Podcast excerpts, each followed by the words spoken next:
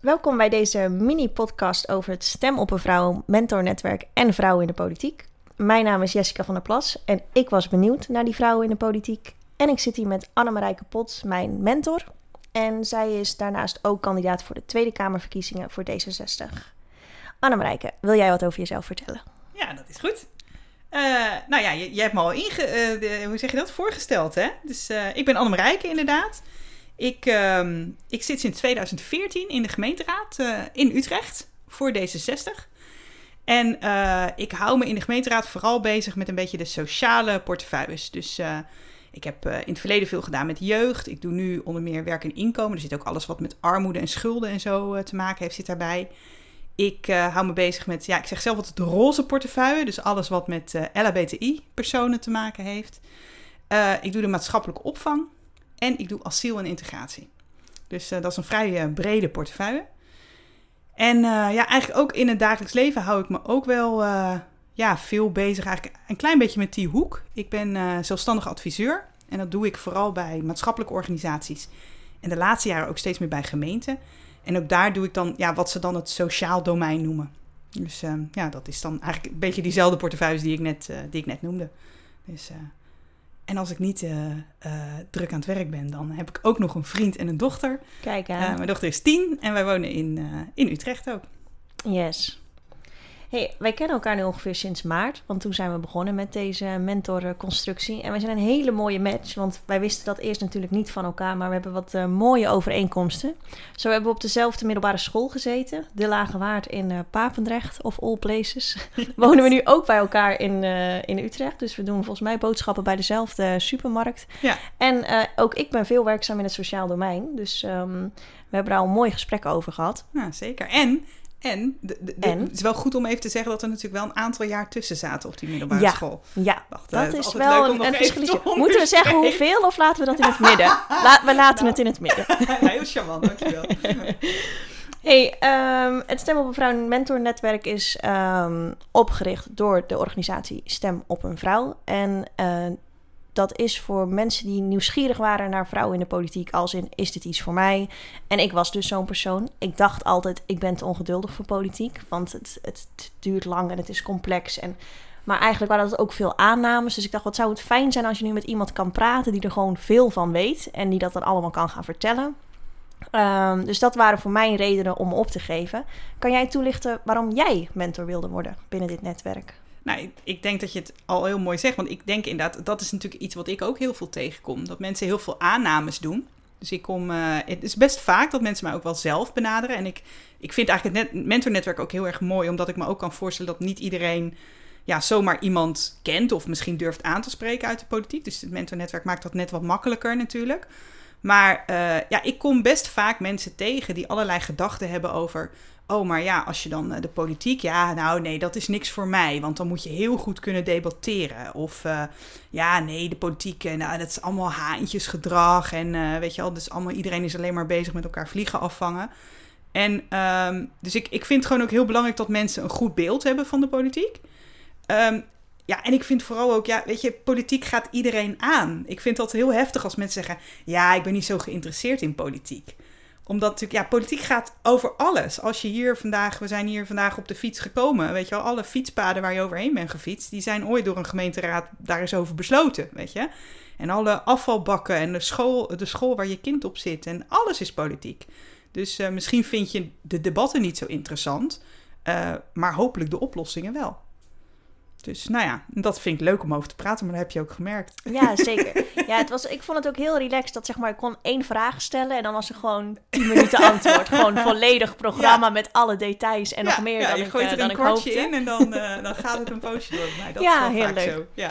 Nou, en wat ik ook wel, um, net zeg ik, voor mij was dit echt het jaar van iets meer de politiek leren kennen. Zowel D66 als via jou meer informatie over de politiek.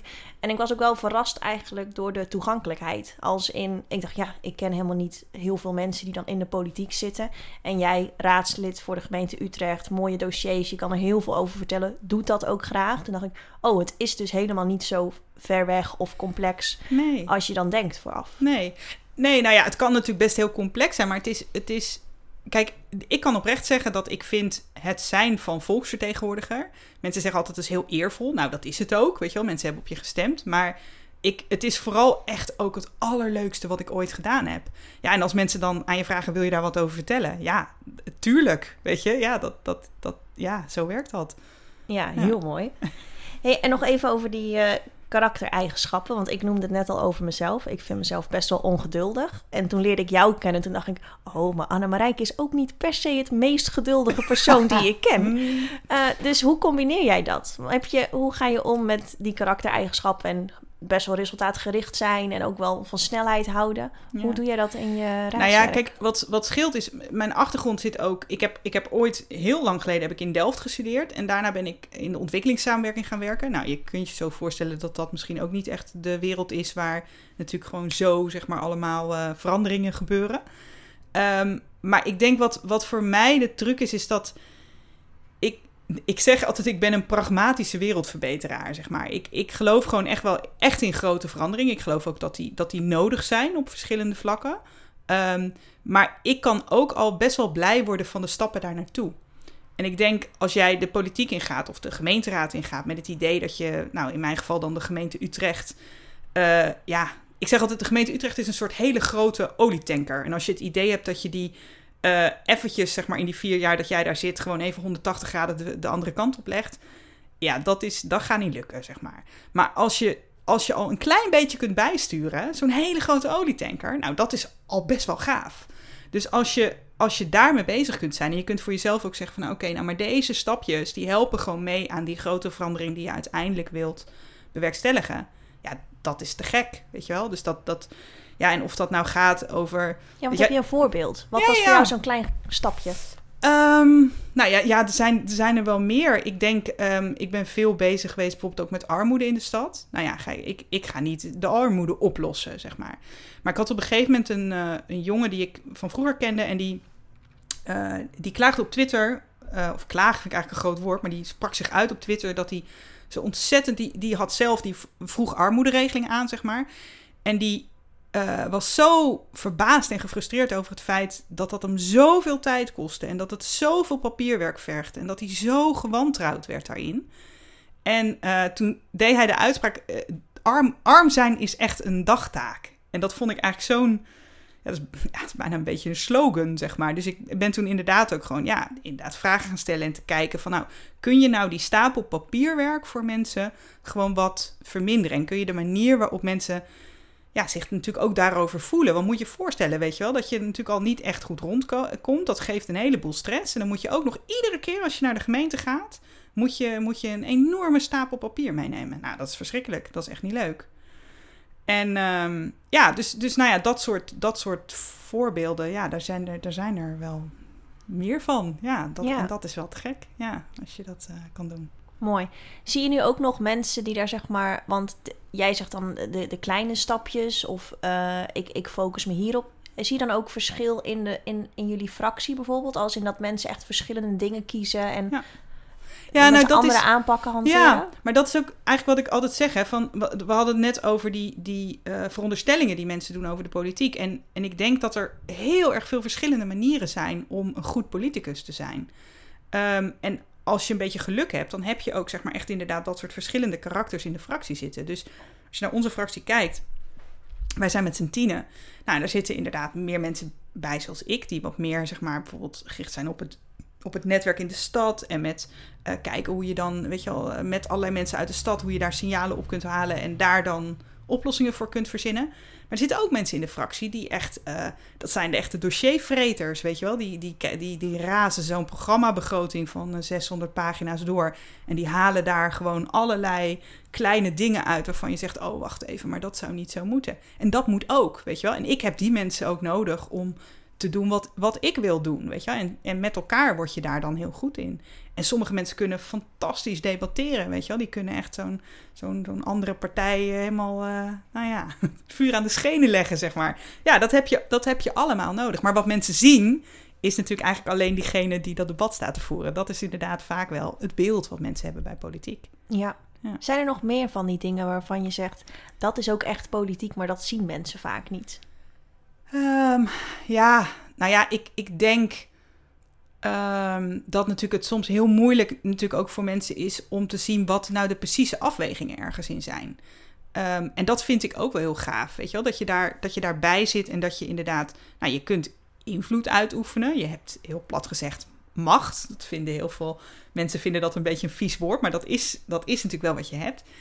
En maar, je, je komt er ook inderdaad achter, ja, we zijn toch D66'ers uiteindelijk, dat het natuurlijk vaak niet zwart-wit is. Weet je wel, het, is vaak echte oplossingen, die, die vergen natuurlijk vaak heel veel ge, gefriemel en ge, ge, gedoe, zeg maar, om te, om te komen tot iets waar je, ja, wat ook gedragen wordt door de stad, weet je wel. En dat, dat, dat, uh, ja, dus ik, ik, ik denk dat dat voor mij uh, iets is wat, wat natuurlijk soms ja, wat mensen natuurlijk ook last, wat lastig uit te leggen is ook aan mensen. En uh, um, ja, nou ja, dat denk ik. Ja. Ja. ja, ik, moet ook wel, ik ben het daar wel mee eens. Als in, um, ik leer natuurlijk nu steeds meer over de politiek. Zeker omdat ik er dit jaar zo induik. En dan denk ik, ja, sommige dingen kunnen we ook gewoon nog niet echt kort of in vijf zinnen uitleggen. Nee. Zeg maar. heb, jij, heb jij een voorbeeld van iets wat je dan.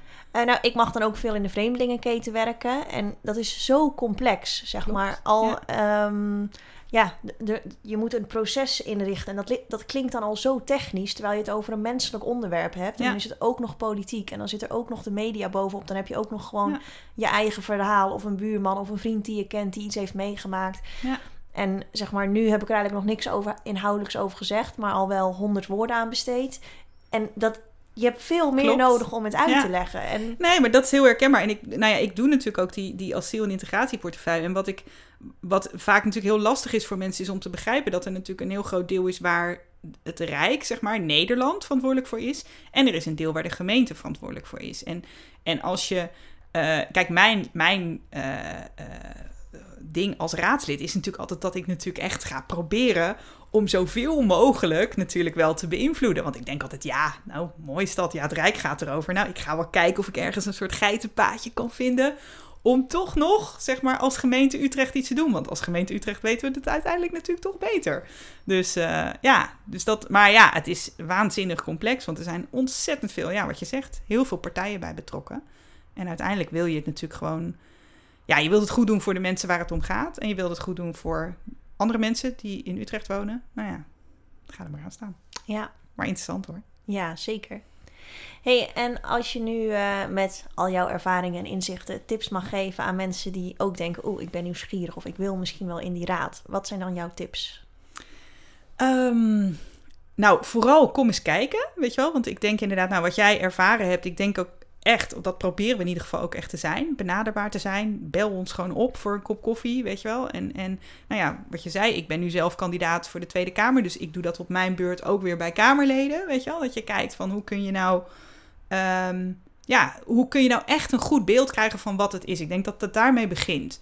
Uh, en, en kijk dan welke kwaliteiten jij meebrengt, waar het, waar het, uh, die daaraan kunnen bijdragen, weet je wel. Dus, dus inderdaad... Uh, ja, je hebt soms ook mensen, je hebt mensen die heel onzeker zijn en die denken van, oh, maar dat, dat kan ik helemaal niet. Of dat, nou, dat is, dat is sowieso flauwekul. Weet je wel? Ik bedoel, je hoeft, je hoeft geen enkele, je hoeft geen bepaald diploma te hebben of een bepaalde vooropleiding of uh, zelfs maar heel veel te weten van de onderwerpen.